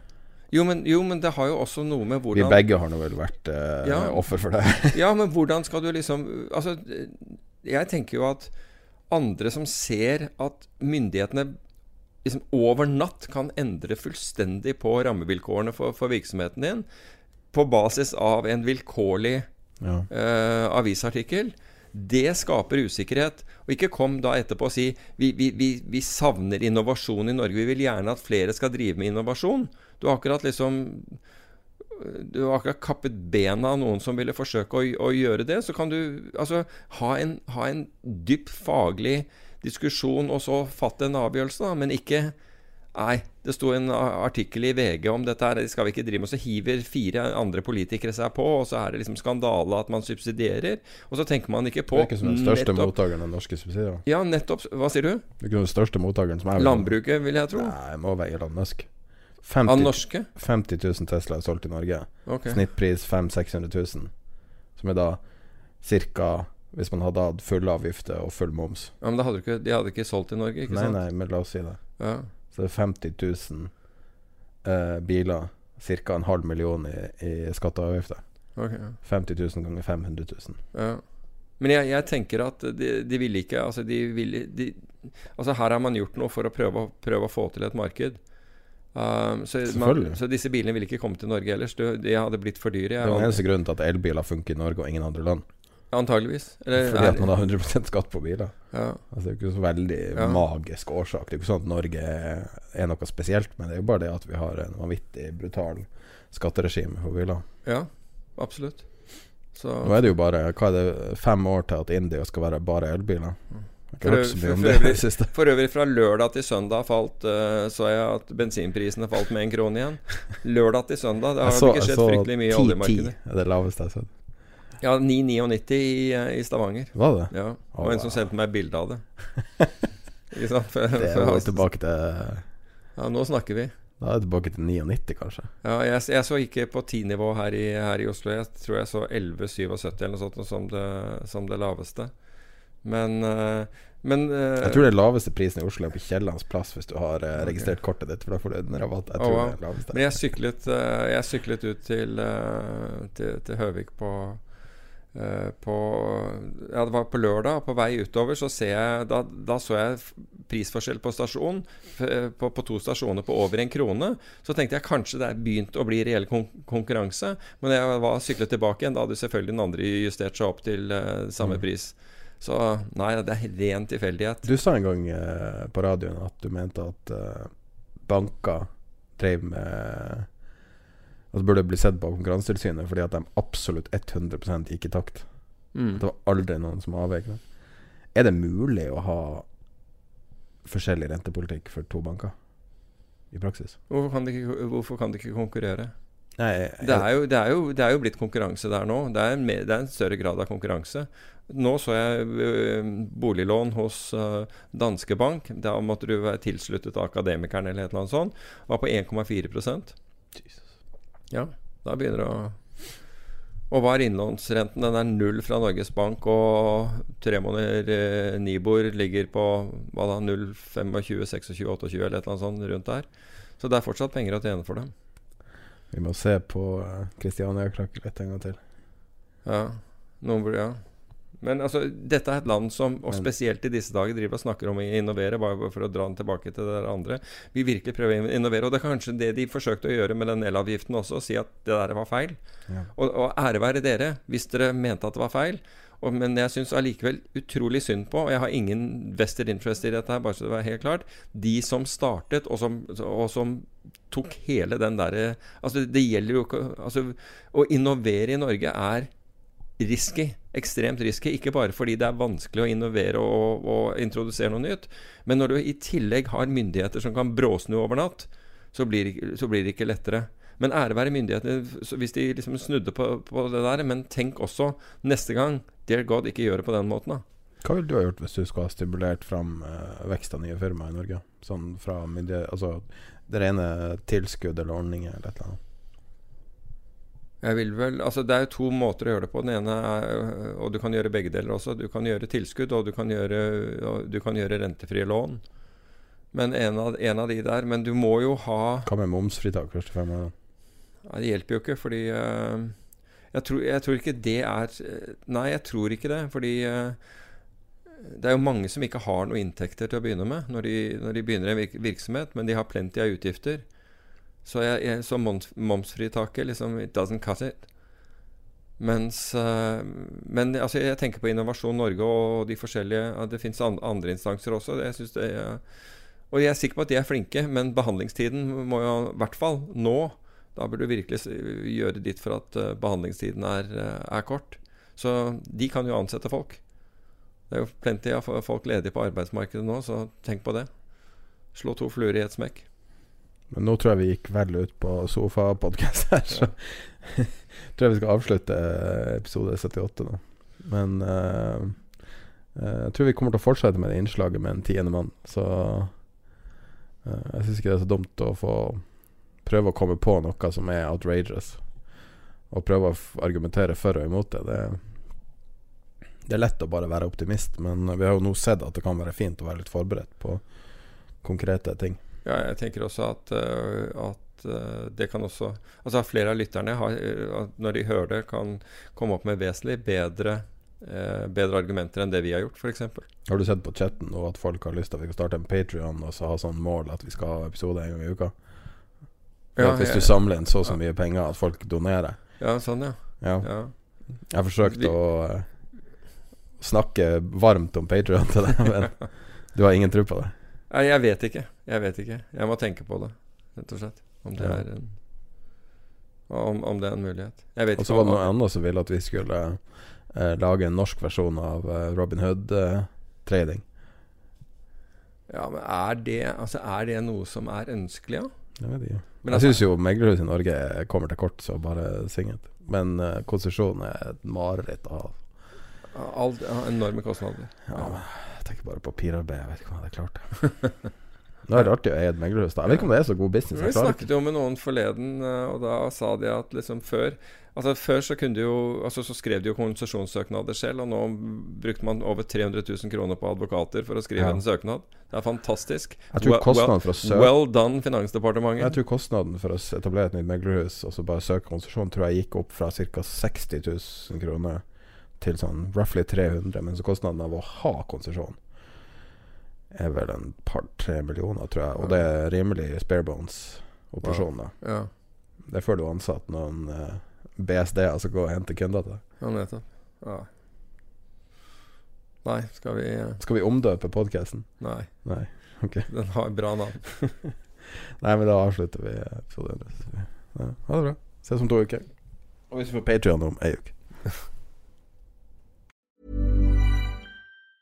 Planning for your next trip? Elevate your travel style with Quince. Quince has all the jet setting essentials you'll want for your next getaway, like European linen, premium luggage options, buttery soft Italian leather bags, and so much more. And it's all priced at 50 to 80% less than similar brands. Plus, Quince only works with factories that use safe and ethical manufacturing practices. Pack your bags with high-quality essentials you'll be wearing for vacations to come with Quince. Go to quince.com slash trip for free shipping and 365-day returns.